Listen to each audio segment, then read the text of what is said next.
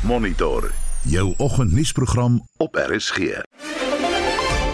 In vanoggend se program Sakelei vra die president om die wetsontwerp op nasionale gesondheidsversekering terug parlement toe te stuur. Intussen sal die parlement se portefeulje komitee oor kommunikasie vandag skriftelike voorleggings oor die SAIK wetsontwerp oorweeg en die nasionale minimumloon word vanaf 1 Maart met 8,5% verhoog. Welkom in Monitor onder redaksie van Jan Estreisen. Johan Pieters is ons produksieregisseur en ek is Udo Karelse.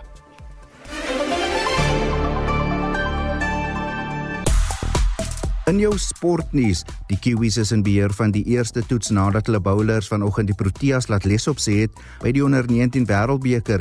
Ontleed ons die jong Protea span en kyk na wat hulle moet doen om vandag in die eerste halfyn teen Indië te seëvier en in die wêreld van Formule 1 verskeie vrae oor wie verloos Hamilton volgende jaar by Mercedes kan vervang. Nou president Cyril Ramaphosa sal omstreeks 7 uur donderdag aand die staatsrede in die Kaapstad stad sal lewer. Ramaphosa sal na verwagting die regering se planne uiteensit om onder meer die krag en waterkrisisse te bestuur en uh, soos ek hierdie woorde lees, moet ek bieg voel ek nie enigiemand sal vir ons met woorde of ten minste met een aankondiging troos kan skep oor spesifiek miskien iets soos beerkrag nie. En dit terwyl die situasie eintlik sedert einde verlede jaar vir ons bietjie verbeter het. Maar hoe dit ook al sê, wat sou jy graag van die president wou hoor. En ek dink dan net hardop, miskien iets soos ons sal nie 'n blanko cheque onderteken vir nasionale gesondheidsversekering nie, maar ons as regering wil wel die openbare gesondheidsdiens verbeter. Miskien so iets. Ek weet nie. Wat wil jy donderdag aan van ons president hoor. Stuur 'n SMS na 45889. Dit kos jou R1.50 per SMS. Jy kan ook vir ons 'n WhatsApp stemnota stuur na die nommer 076 536 6961.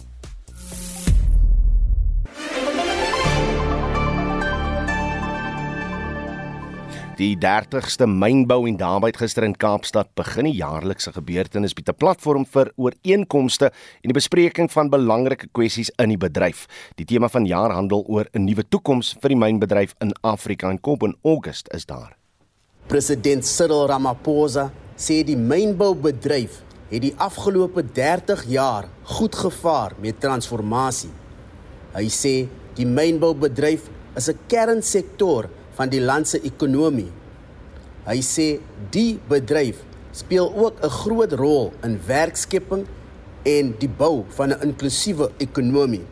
In 2004, the year the mining charter was first introduced, black ownership, the indigenous people of South Africa, their ownership in the industry stood at some 2% only.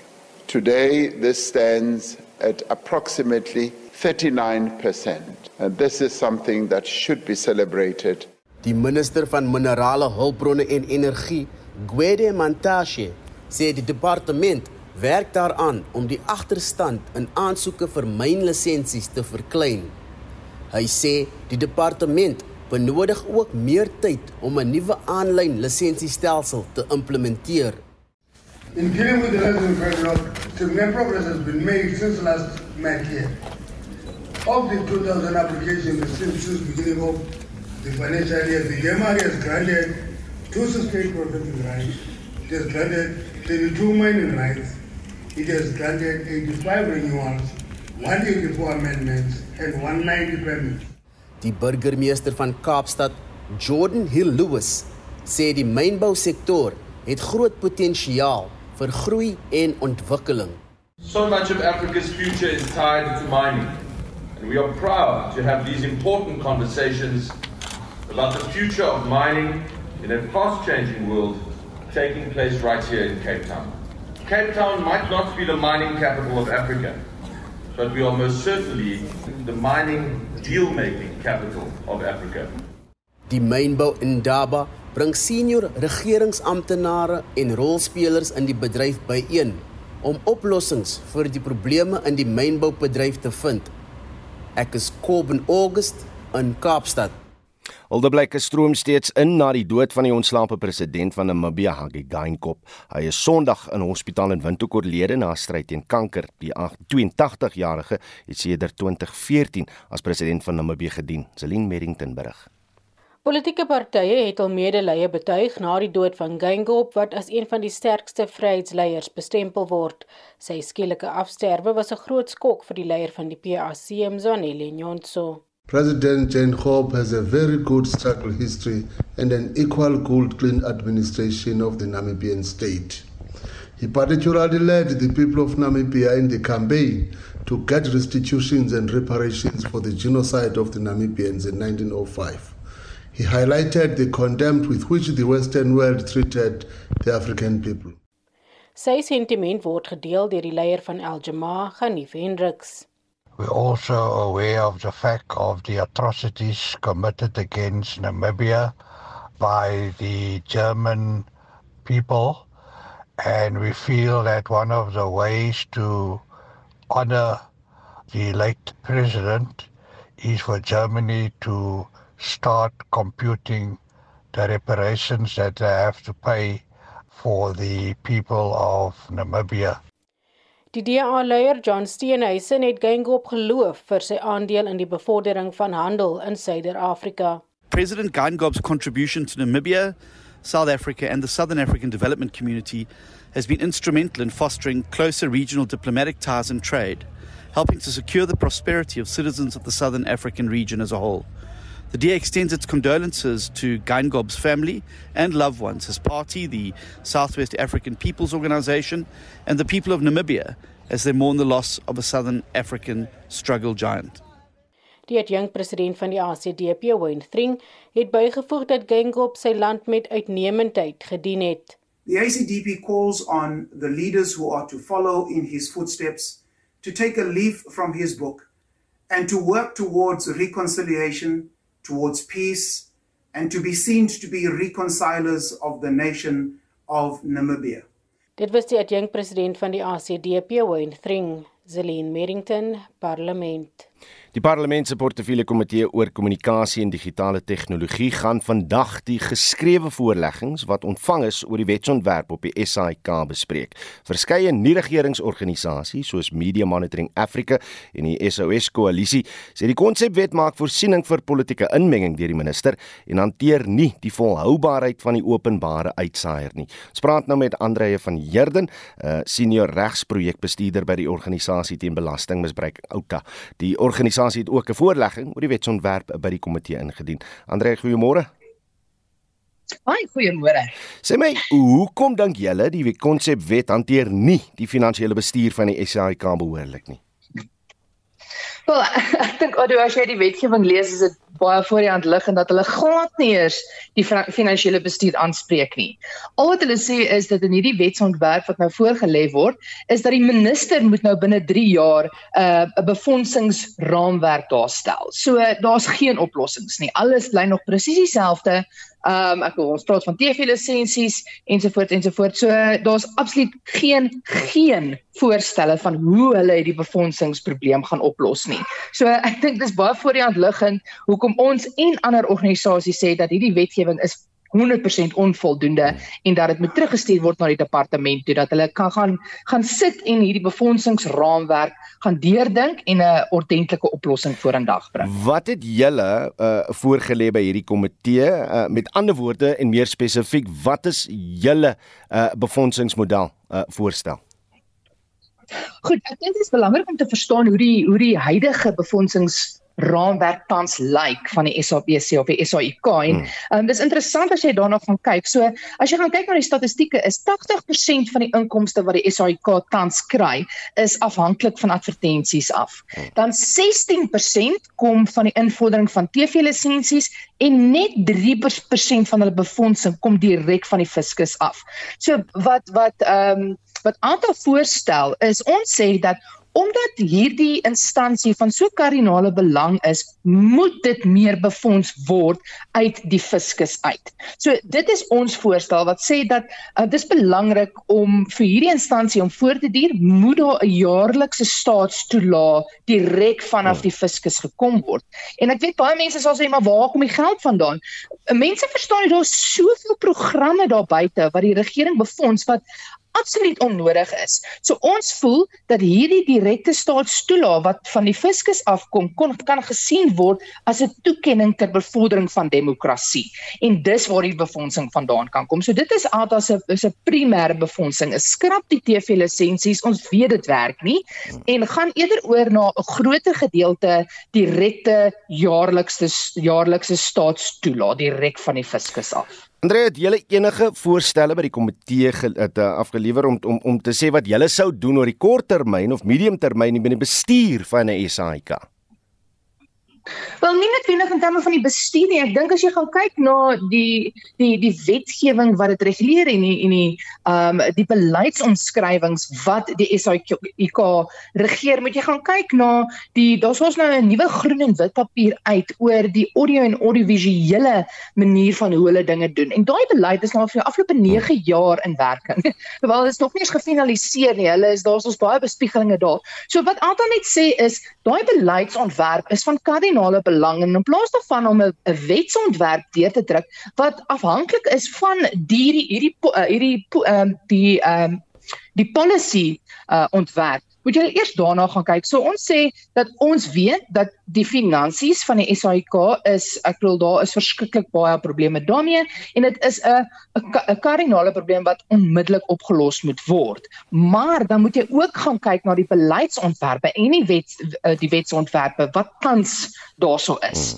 Nou op die einde van die dag al daai goedjies verseker dat die SAIK hulle redaksionele onafhanklikheid behou en natuurlik die openbare vertroue herstel. Andre van Heerden is 'n senior regsprojekbestuurder van Alta.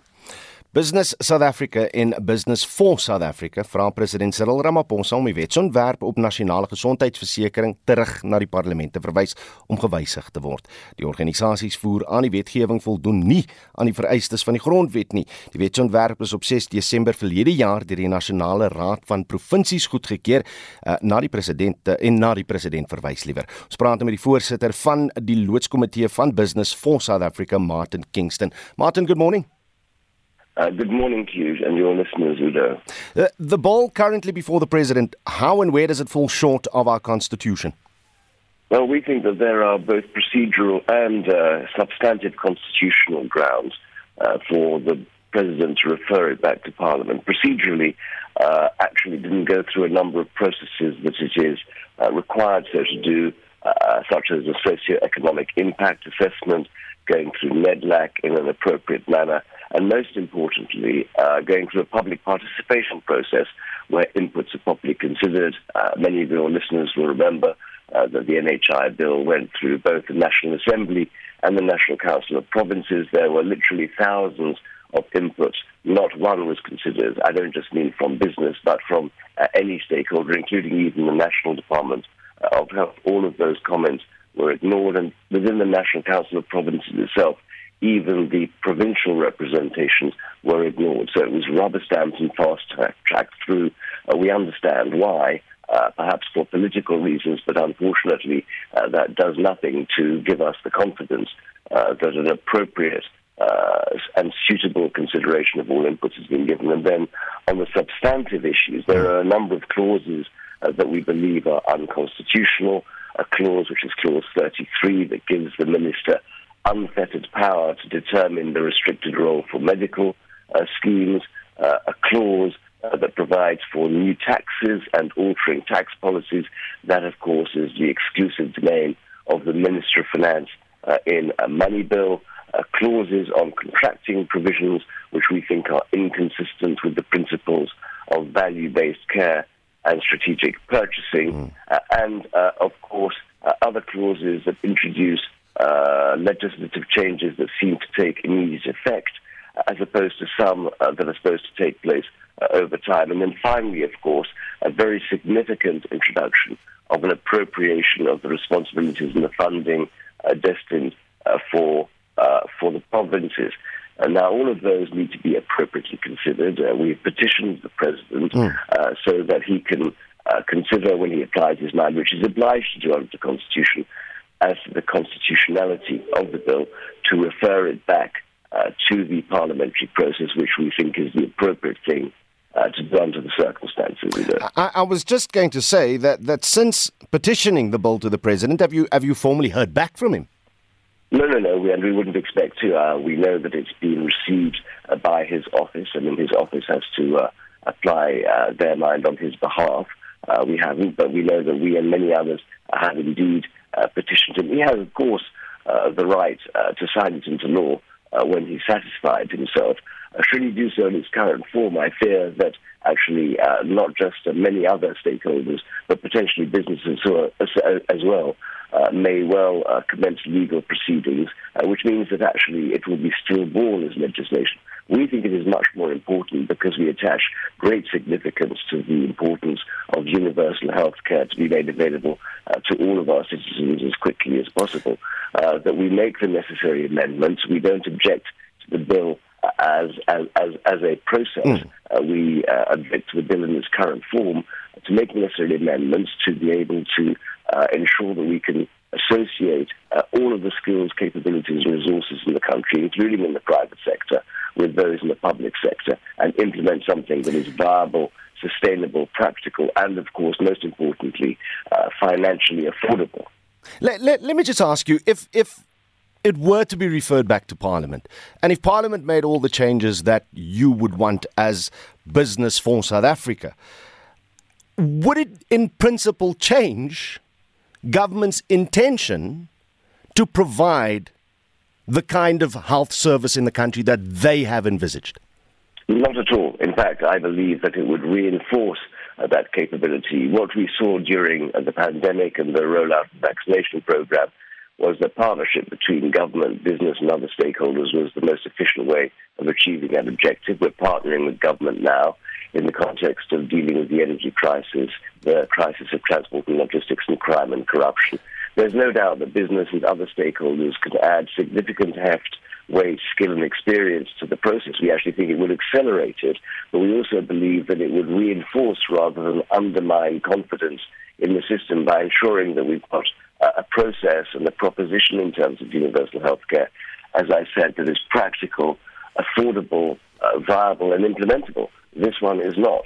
Then why, pray tell, and, and peer into the mind of the governing party? Do they continue to turn a blind eye, a deaf ear to changes that you believe would make this, this legislation constitutional, but not take away government's intentions to provide basic health services to all South Africans?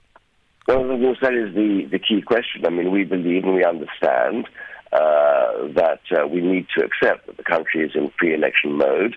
Uh, we acknowledge that the adoption of the NHI bill is a cornerstone of the government's policy platform and indeed the ANC's platform and its election campaign.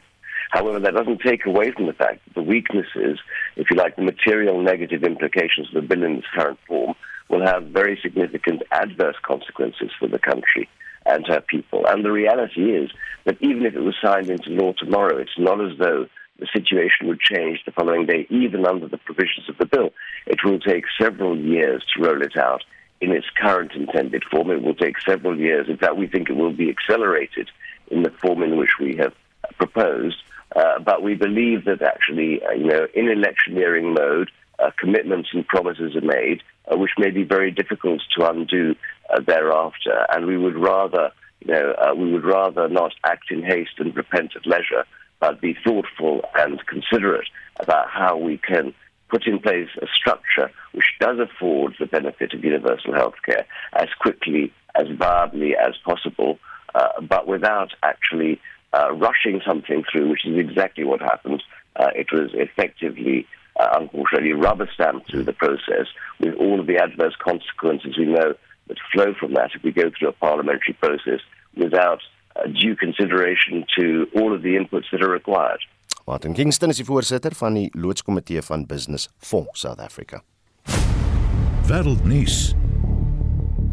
Reg, mense van herstelstroom in nadat Buckingham Paleis bevestig het kanker is by koning Charles III gediagnoseer. Die paleis het egter aangedui uh, die soort kanker en die behandeling wat hy daarvoor ontvang gaan nie in die stadium bekend gemaak word nie. Esther de Klerk het vir ons meer besonderhede.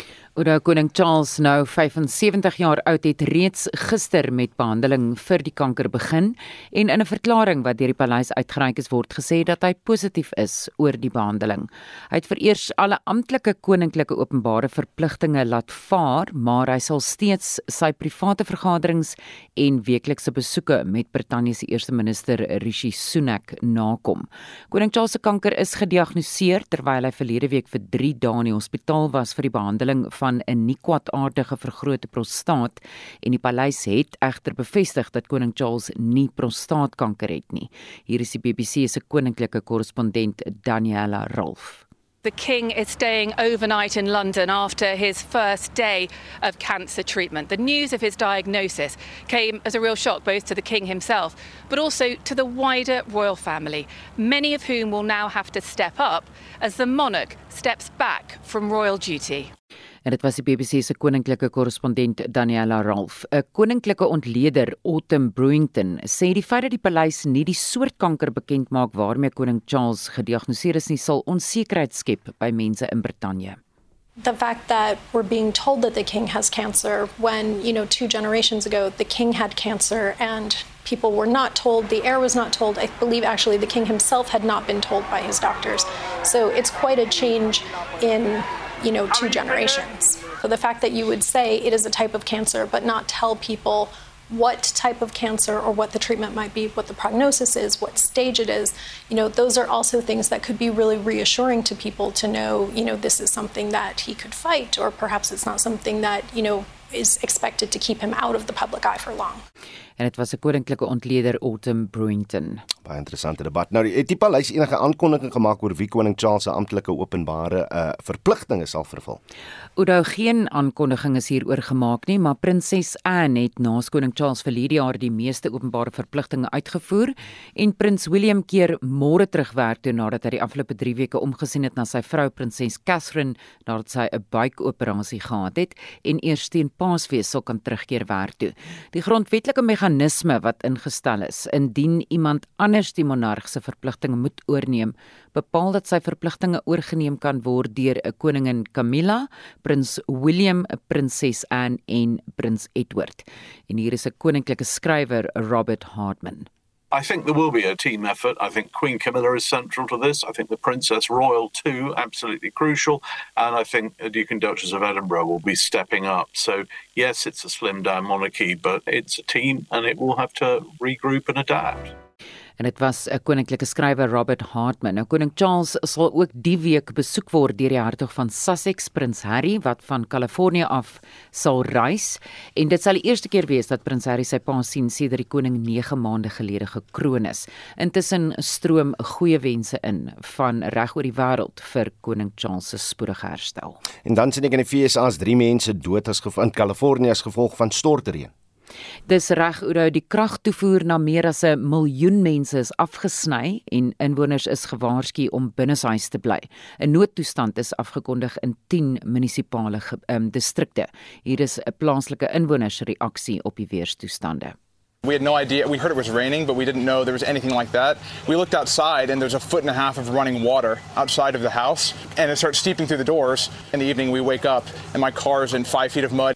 I mean, this happens very rarely, but uh, there's three cracks in the top of the hill. So the mud is, has come down and it's just too much rain and not enough places for it to go. Intussen het die FSA se president Joe Biden hulpfondse beloof aan die goewerneur van Kalifornië. Senegal het 'n reputasie as 'n bastion vir demokrasie in 'n onbestendige streek, maar nou sien ek eh, betogers het gister 'n bietjie slaags geraak met 'n uh, polisie buite die parlement daar. En die nasionale vergadering het 'n wetsontwerp goedgekeur om president Macky Sall se amptetermyn te verleng en die verkiesing uit te stel. En dit is dan nou waaroor hierdie betogings gegaan het. President Sall het die verkiesing wat oor 3 weke sou plaasvind herroep en dit tot 15 Desember uitgestel. 'n Hoofoppositieleier en voormalige burgemeester van Dakar Dakar, Khalifa Sall, hy's nie familie van die president nie, het die vertraging in die verkiesing as 'n staatsgreep bestempel en landsburgers aangemoedig om daarteen te betoog. Hy het gesê sy koalisie sal dit in die hof beveg. En dit is estie met 'n oorsig van vandag se wêreldnuus. Jy luister na Monitor. Elke weekoggend tussen 6 en 7.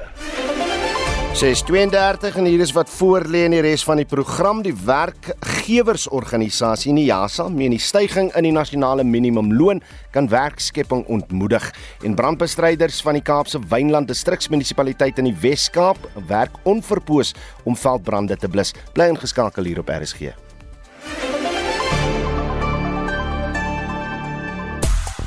Reg ons wil vanoggend by jou weet wat wil jy hê moet ons president Cyril Ramaphosa donderdag aand tydens sy staatsrede sê? jy net 'n bietjie beter gaan laat voel oor die land waarin ons lewe. Uh Loukie van Ermelo sê ja, hy wil niks van hom hoor nie. Die president maak net beloftes. Rolien sê sy wil 'n bietjie meer lewe in sy stem. Hoor ek sukkel om na hom te luister. Hy praat sonder passie asof hy weet hy staan en uh stories vertel sê Rolien. Ja, partykeer as hy daai daai iPad oopmaak, weet jy al, ai, ha, sakkie energie vlakke. Uh maar uh, nog 'n luisteraar sê hy wil hoor hoe die president sê hy gaan bedank. Uh Maureen van Kempton Park sê sy verwag dat die president die verkiesingsdatum sal aankondig. Op 'n minimum, ja, asseblief, laat weet wanneer ons gaan stem. Uh en sy uh hou vol en sê want ek het uh, diegene wat hoop verloor het, aangemoedig om hul frustrasies op die stembrief te gebruik en te uh, red wat oor is van hierdie land. Dis Maureen van Kempton Park. Wat sê jy? Stuur vir ons 'n SMS na 45889. Dit kos jou R1.50 per SMS. Jy kan ook vir ons 'n WhatsApp stemnota stuur na die nommer 076 536 6961. 1.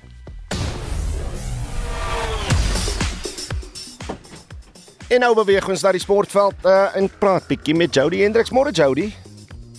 Goeiemôre Oudo. Sy maar nie glo nie, ek was middernag wakker gewees om bietjie krieket te kyk. Het baie vinnig aan die slaap geval want die krieket was nie van die bestes vir ons Proteas in hy toetswedstryd teen Nieu-Seeland nie. Ek was ook daai tyd wakker oor ja, bietjie teleurstellend vir die span. Hulle vanoggend op uh, eh, 80 vir die verlies van 4 van voorkop met David Bedingham en Keegan Petersen voor die penne. Nou Bedingham, hy het nie lank gehou nie, is eers uit vir 32 paaltjies toe gereeld gekantel vir die Proteas almal uit vir 162. Matthew Hendrick en Mitchell Sutton elkeen drie paaltjies vir die swart het gekry. Keegan Petersen was die beste kolwer vir die Proteas met 45 lopies en hulle is nou tans op 103 vir 2 met 'n voorsprong van 452 lopies. Hulle kon opkop um Oude, hmm. maar het besluit om weer te kolf. Nou die golfplaai is eenvoudig net te goed daar in die Seeland om die kans te vat. Maar op die blinkkant ons het 'n kans om 'n finaal van 'n wêreldbeker te bereik vandag, Jody. Ja, by die onder 19 wêreldbeker is dit Suid-Afrika op Holmo Park in Benoni in die halffinale teen Indië. Suid-Afrika wat die wedstryd versigtig sal moet benader. Ook die lood wat deurslaggewend sal wees. Oudo die jong Protea Kolwer gaan ook 'n groot bydrae moet maak. Nog nie een van hulle kon 'n 100-tal in die toernooi aanteken nie.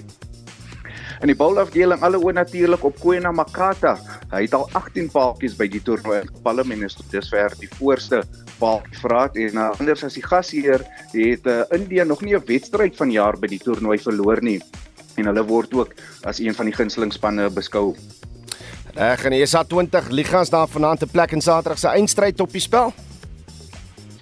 Ja, met die top 2 spanne wat uh, in die op die punteleer geëindig en dit is die verdedigende kampioen die Sunrisers Eastern Cape en Durban Super Giants wat mekaar gaan pak. Die wenner van vandag se wedstryd kwalifiseer dan vir Saterdag se eindstryd. Die verloorder sal dan donderdag weer kans kry wanneer hulle teen die wenner van die wedstryd môre se wedstryd is die Paul Royals en Joburg Super Kings speel vanaand se wedstryd vind om 06:30 op in die Willand in Kaapstad plaas. Reg, hier's 'n kompetisie waar ons president miskien tweede gaan eindig want ek dink die afdag afwagting is groter vir Bafana Bafana se stryd om die finaal van die Afrika Nasies beker te bereik as wat dit is vir sy staatsrede.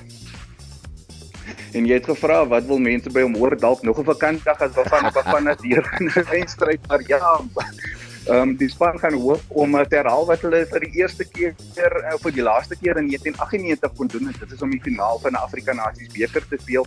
Natuurlik 'n uh, groot fokus op die span se kaptein Ronwen Williams.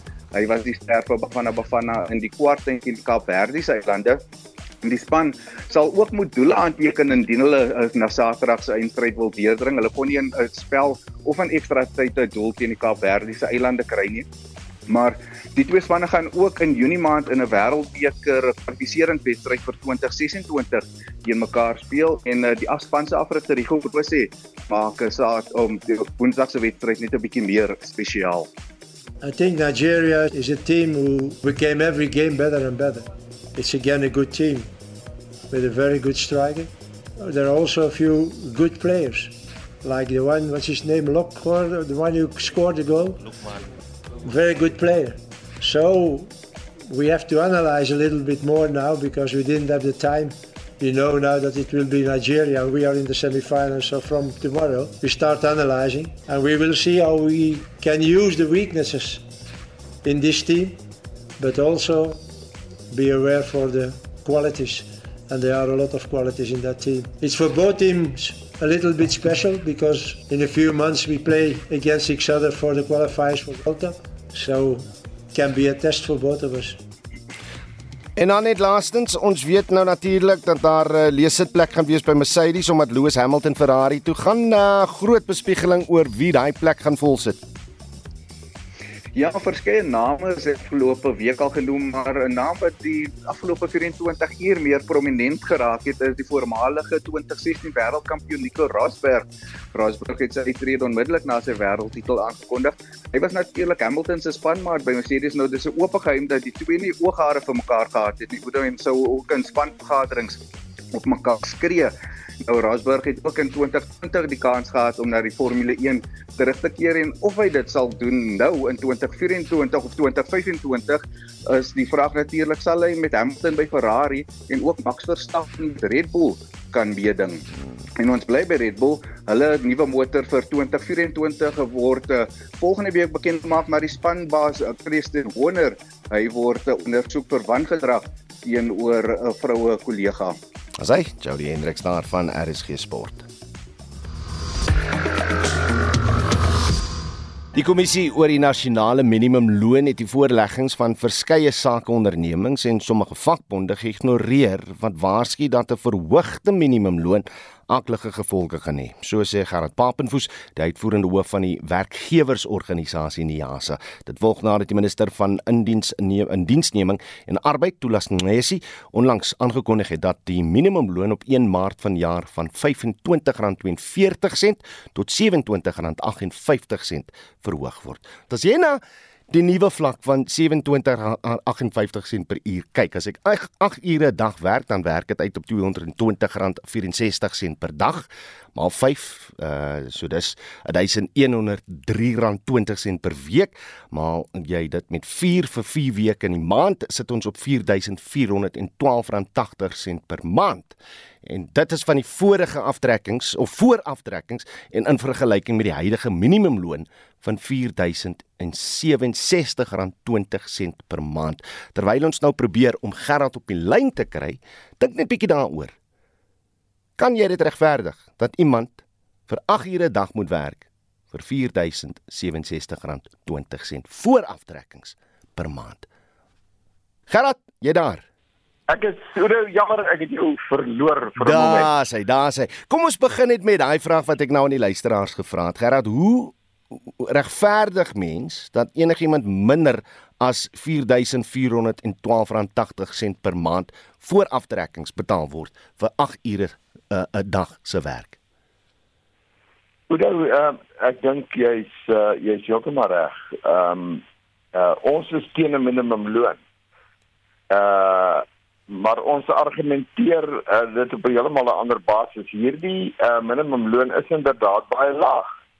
Maar ehm um, uh uit ons hoek kan jy nie daarmee leef nie. Dit is heeltemal so, maar vanuit die hoek van die werksoeker moet iemand gaan vind wat dit bereid is om dit vir hom te betaal.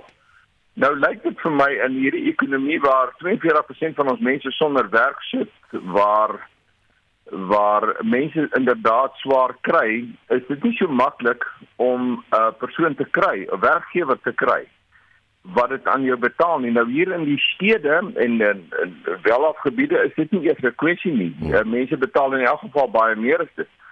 Maar as jy gaan na plattelandse areas toe, dan begin dit al moeiliker raak en jy kry nie jy begin minder en minder 'n persoon kry wat die geld het om dit vir iemand te gee. Nou ehm um, uh ons het nodig dat mense moet werk en uh, as jy nie so 'n persoon kan kry nie, wel wat is die alternatief? Dan is gaan jy van 4600 per maand te maand na na niks doen. Of ongewese op ehm uh, uh 'n welsyns uh loontjie van R350 'n maand. So dit is die beginsel waarmee ons 'n probleem het is dat jy kan nie vir wat bereid is om vir minder te werk. Hmm. As jy iemand kry, sê nee, ek kan jou nie ek kan jou nie in diens neem nie want jy vra te veel van my. Dit daai as jy nou kyk hoe klein is hierdie bedrag, die verhoging is uh, is R2 uh, uh iets ek dink R2 17 sent per uur. Dit hmm. dit klink dit klink eintlik belaglik min. Dit is tog is dit jy weet is die laaste strooi wat die kameel se rug breek. Ehm um, daar is daar is mense wat iemand nodig het vandag om vir hom te werk, maar hy het nie daai geld om vir daai persoon te gee nie. Ek, ek, ons ja. Ek ek dink ja. ons verstaan die logika agter die die werkgewersorganisasies se teenkant kant teen 'n minimumloon.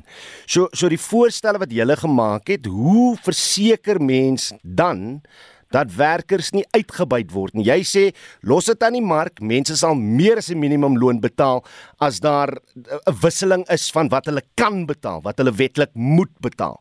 As daar nou nie 'n limiet daar is, sê jy sal mense meer betaal word, maar hoe verhoed jy dan dat mense uitgebuit word? Jy kan nooit uh, jy kan nooit verhoed dat mense uitgebuit word nie. Dit is uh, selfs al maak jy 'n minimumloon, uh gaan mense in elk geval uitgebuit word. Ehm um, as as iemand vandag uh 'n persoon ehm um, gaan optel. Ons sien hierso by 'n uh, hardeware plekke sit mense en hulle en hulle uh soek werk as jy met hom kontrakteer en jy bied hom minder as die minimumloon aan en hy vat dit, hmm. dan is dit eintlik 'n verbreeking van 'n wet. Maar die feit is mense doen dit in elk geval. Dit gaan oor bekostigbaarheid. Vir vir uh, dit as jy dit nie kan betaal nie, gaan jy dit nie, in elk geval nie betaal nie. Dit maak nie saak wat die wet sê nie. So mense word uitgebuit, maar daar's geen groter uitbuiting van 'n mens Daar's geen groter uitbuiting van 'n mens as 'n mens wat nie werk het nie. 'n Man wat vanmôre by sy huis sit en nie kan gaan werk nie want hy het nie werk nie, word uitgebuit. Dit is 'n verskriklike vorm van uitbuit. Hy verloor nie net geld nie, hy geloof hy verloor sy menswaardigheid vandag. Mm. En as hy oor 5 jaar nog nie werk het nie, hoe langer jy buite werk bly, hoe moeiliker word dit vir jou om 'n werk te kry. So ons sê die ekonomie moet groei, dan moet dit moet gestimuleer word en werkers moet met mekaar kompeteer op die kwaliteit van hulle werk. Dit is hoe jy die die komit die die die die lone van mense opstoot. Wanneer iemand sê ek wil jou in my diens hê, want jy is betroubaar, dan betaal jy vir daai man meer omdat jy hom wil behou. Dit is hoe jy lone opstoot nie deur wetgewing nie. Reg. Dis seker een van die kwessies wat julle by die president oor wil hoor, maar op 'n ander noot, wat wil nie ja sou hoor van die president in sy staatsrede donderdag? Dit ehm um, ehm um, daar was 'n tyd toe nou wat uh, staatsredes uh belangrike uh gebeurtenisse was want uh uh presidente het het het beleidsrigtinge uh aangekondig. Uh hulle het uh, rigtingveranderings uh, aangekondig. Hulle het fundamentele uitsprake gemaak. Ons is verby daai tyd. Ek dink die president het geloofwaardigheid verloor. Die, die staatsrede word gebruik om 'n klomp interessante goeters te vertel en verspotte idees met die publiek te deel. En die publiek luister nie meer daarna nie. Want dit help nie. Dit dit dit het geen invloed op wat ook al gebeur nie. As jy vir die land vertel jy wil 'n smart city bou en jy wil 'n trein laat hardloop van uh uh uh van Kaapstad tot in Messina terwyl jy nie 'n trein kan laat behoorlik loop tussen Johannesburg en Soweto nie, dan sê mense ag maar ek gaan nie verder na jou luister nie. Ehm um, as jy goeders aankondig wat daar net van niks van kom nie en jy weet daar gaan niks van kom nie, dit is 'n uur wat mense sit na 'n ou en luister en hy rammel 'n lot goed af, dan sê ons as jy dan vir my vra, wat wil jy van die president hoor? Dan sê ek dat ek sou in 'n ander omstandighede baie goed van hom wou hoor, maar in hierdie geval, nou praat ek van namens Jan publiek, gaan ek nie eers luister nie. Dit is ongelukkig waar ons is, dit maak nie meer saak nie. Gerard Papenfoos is uitvoerende hoof van die werkgewersorganisasie NIASA. Kom ons bly by die vraag en vra dit aan die direkteur en hoofekonoom van die Efficient Groep, Dawie Rood. Môre Dawie. Goeiemôre oude. Kom ons begin net eers. Julle as ekonome maak elke jaar voorstelle. Jy gee wenke aan die president. Het hy geluister na die ekonomiese versoeke voor die staatslede vir verlede jaar? Het jy hierdie jaar resultate gesien? Jong, ek het so 'n lysie opgestel. Ek het so vinnig deur die lysie gaan as jy wil, maar ek is bevrees nee, dit lyk nie eintlik vir my so nie. Ek dink meer belangrik vir die president is politiek terwyl die ekonomie maar minder belangrik is. Maar op die ouend is dit die ekonomie wat bepaal of ons kos op ons tafels het of nie. So ek kan so vinnig hierdie lysie vir jou gaan om te wys waar ek dink hy gefaal het en waar hy minder so, uh, goed gedoen het of waar hy glad nie goed gedoen het. Go for it soos hulle sal sê. Ja nou maar die eerste een is energie. Onthou nou ons het nou sogenaamde energy disaster verlede jaar gehad. Nou dit is 'n totale ramp. Ons het selfs 'n minister van elektrisiteit en elektrisiteit verlede jaar was nog minder as ooit tevore en dit is die rede hoekom dit moontlik is dat die Suid-Afrikaanse ekonomie op die oomblik in 'n resessie is. Dis ah, dis een van die redes natuurlik. Dan het die president 'n vreeslike gewag daarvan gemaak van allerlei infrastruktuur uh, in ontwikkeling verlede jaar. Nou dit het ook nie gebeur nie, maar waar dit is sy infrastruktuur het heeltemal verder in duie gestort. Veral die logistieke infrastruktuur. Een sekerlike pluspunt punt is dat die oorskakeling van analoog na digitale televisie, ek dink dit het grootliks plaasgevind, maar die president het ook 'n groot storie daarvan gemaak om te sê dat al hierdie vreeslike investering wat ons in die land gaan kry en nou om die realiteit is is dat eintlik het ons kapitaal verloor. Buitelanders het gedisinvesteer uit Suid-Afrika. Dan is hy ook gesê hy gaan van allerlei sogenaamde red tape ontslaa raak. Nou daar ek wag nog steeds dat daar iets gaan van gaan kom en natuurlik armoedeverligting en om die waarheid te sê ons het nog armer geword verlede jaar. Op 'n per capita basis vir die meeste afloop afgelope 10 jaar het ons armer geword as gevolg van swak ekonomiese groei. Dan uh, sou hy die polisie mag verstewig het en versterk het, nou maar dink net aan die blou lig bende, dan kan jy self daai vraag antwoord. Ehm um, en dan staan nou opgetree word teen die sogenaamde state capturers. Nou daar's 'n bietjie vordering daar gemaak dink ek, maar nog nie naas my genoeg nie. En dan het hy ook gesê dat hy geseker maak dat die staatsamptenare wat aangestel word die regte kwalifikasies het. Nou daar's 'n lang storie gewees oor hierdie ekonom wat sogenaamde PhD het, wat toe nou nog glad nie die geval was nie. Uh, en dan en dan wat ook nou onlangs wel gebeur het, kon seker dit daarvoor is die Africa Free Trade Agreement, daai ding die is in werking in werking gestel. So dit lyk my dit is aan die aan die gebeur. So dit is van die die plusse en die minusse van verlede jaar wat die president vir ons gesê het, net 'n paar van hulle en ek moet vir julle sê dis baie meer minusse as plusse. Ek en my kollegas werk vir die SAIK. Wat moet ons verwagting wees donderdag as dit kom by uh sukkelende staatsondernemings? Ja, hier's 'n paar ek het 'n lysie daar ook. Nou om mee te begin, onthou dis 'n verkiesingsjaar. Die president, laat ek dit herhaal, hy stel meer belang in politiek as in die ekonomie. So hy gaan 'n paar dinge probeer sê as om om ons nou 'n bietjie gelukkiger te laat voel. Goeders byvoorbeeld Bafana het onlangs nie te sleg gedoen nie. Rikus Du Plessis alhoewel Rikus hou nie baie van hulle nie. So. En die Springbokke natuurlik. Dit is alles uh, uh, lekker gevoel goeders. Ek dink die president gaan nogal baie daaroor te sê. En dan dink ek ook ons gaan miskien iets hoor by die president oor 'n basiese inkomste oordrag of 'n sogenaamde basic income grant. Uh ek dink ek gaan iets daaroor te sê, iets wat my baie bekommerd. Doen, onthou dis 'n verkiesingjaar. Hmm. Iets wat my baie bekommerd hierdie is hierdie opmerkings oor 'n sogenaamde regime change. Hoekom sê die president dit? Hoekom sê Fikile Mbalula dit? Is dit omdat hulle probeer gereed maak vir groot verliese vir die ANC en dan soek hulle verskoning? Dis iets waaroor ons baie bekommerd moet wees. Ek dink ook daar gaan miskien aankondigings wees oor verbetering in die mynlisensie regime. Dis 'n gemors natuurlik. Hmm. Natuurlik Transnet, jy weet die nuwe groot gemors is daar gaan dalk 'n daar gaan dalk 'n state of disaster wees vir Transnet soos vir Eskom verlede jaar. Dit is nou en ek dink ook dalk moontlik iets wees oor elektriese karre om ons vervaardigingsbedryf elektriese karre te ondersteun op 'n of ander manier. Hmm. Maar wat my betref is daar drie groot probleme hierso. En gaan die pre president dit aanspreek en hanteer. Die ene is die munisipaliteite, meeste van hulle is is finansiëel en operasioneel in hulle kanonne in. Die staatsbeheerde instellings, ons weet nou al van Eskom en Transnet en die hele lot, gaan iets werklik gebeur. En baie belangrik, en dis vir my baie belangrik want die begroting is om die draai die 21ste, gaan die minister enige of gaan die president enigiets te sê hoe hy oor die fiskale stand van sake en dit is ons is besig om te stuur op 'n ramp hierso. Hmm. En weer 'n keer, die minister van finansies kan nie werklike veranderings daar aanbring so net voor 'n verkiesing nie. Gaan is iets by die president daaroor hoor. Ek hoop so, maar weer 'n keer, uh, ek gaan nie my asem ophou nie. Dawie, ek wil net vinnig vinnig jou mening kry want tyd is bietjie teen ons. Ons het vanoggend met sakelei gepraat oor die gesondheidsversekering hier in Suid-Afrika, nê? Die die veranderinge sê Business Fonds South Africa wat hulle wil sien want verg net om om te seker te maak dat hierdie uh, wetsontwerp grondwetlik is. En hulle sê dit gaan nie die regering se se reg of visie ontneem om 'n goeie gesondheidsversekering vir alle Suid-Afrika uh, Suid-Afrikaners teweeg te bring nie. Hoekom sou hulle dan nie luister nie? Maar die groot probleem is uh, ons het twee probleme hierso. Uh, die die eerste probleem is 'n probleem met geld. Soos die huidige nasionale gesondheidsversekering daarstel, uh, daar is net eenvoudig nie geld om dit te finansier nie. Ek het nou net verwys na die fiskale situasie wat werklik waar beroerd is. Ernstig moet geld gekry word om dit te finansier. Daar is nie geld nie. Dis die eerste een. Maar meer 'n groter probleem is dat ons het 'n probleem met 'n regering wat besonder onvermoond is om goeders te doen. En dit is op 'n miskien ook 'n goeie ding om te hê. Uh, as jy 'n regering het wat nie goed is om goed te doen nie, dan sê hy ook nie goed om 'n slegte idee te implementeer nie. En hierdie is nie 'n goeie idee nie. Hierdie is 'n slegte idee. Ek dink nie die nasionale gesondheidsversekering gaan 'n realiteit word nie. Die oomblik as die president dit teken, die volgende dag is daar 'n klomp mense in die hof wat dit wat dit gaan uh, probeer teestaan. Ek dink nie dit gaan 'n realiteit word nie en die, en wat ook waar is en daar is net eenvoudig nie geld nie. Ek dink nie mense hoef bekommerd te wees nie. Nasionale gesondheidsversekering is net 'n droom. Dit gaan nie vinnig gebeur. Dawie Rood is die hoofekonoom van die Efficient Groep. Nou uh, al woed die veldbrande in die hange van Beinskloof en Matroosberg steeds, het die brandbestryders aansienlike vordering gister gemaak om die brande te bekamp. Veldbrand in omliggende berge van die brandvlei gevangenes naby Woester het egter gisteraand na die terrein van die tronk versprei.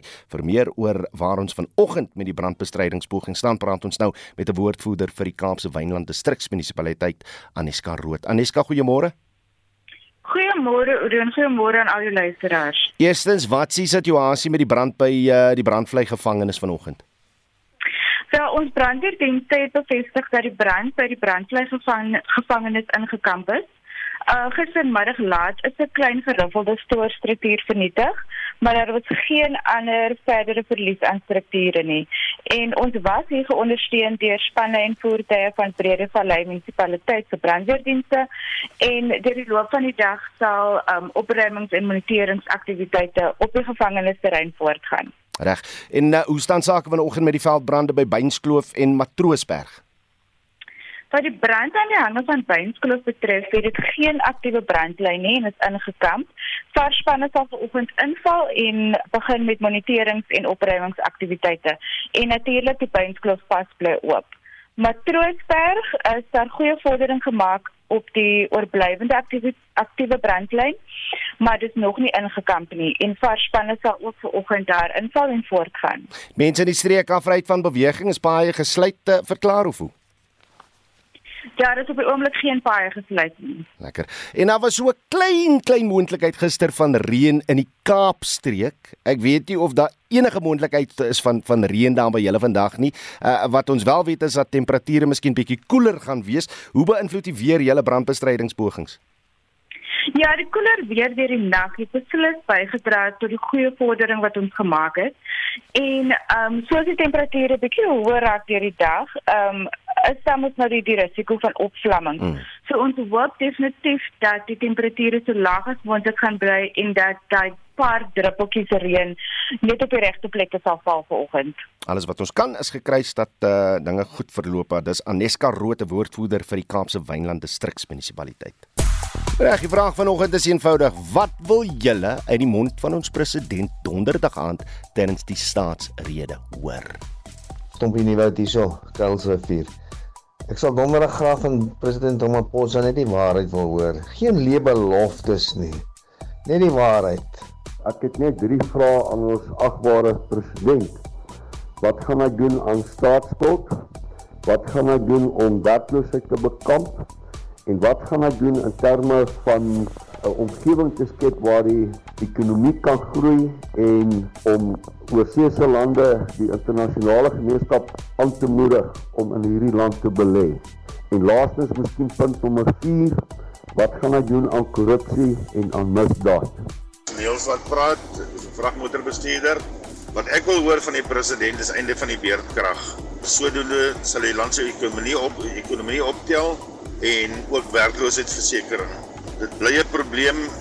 Dit sal nooit opgelos kan word nie. Daar's soveel korrupsie in die land dat daar nie 'n nabye oplossing sal wees nie. Die probleem is verkeerde bestuur. As Eskom reg bestuur word, as die land in die eerste plek reg bestuur word en as daar 'n voorbeeld gestel word deur die president, dan eers sal hierdie land regkom. En Charlie van Kroonstad sê op die SMS lyn presies dieselfde. Hy wil weet Meneer die president, wat is die doel van 'n minister van elektrisiteit? Want dinge volgens Charlie gaan geensins beter nie. So dan van gepraat, ons is nou na fase 3 van fase 2. Nee.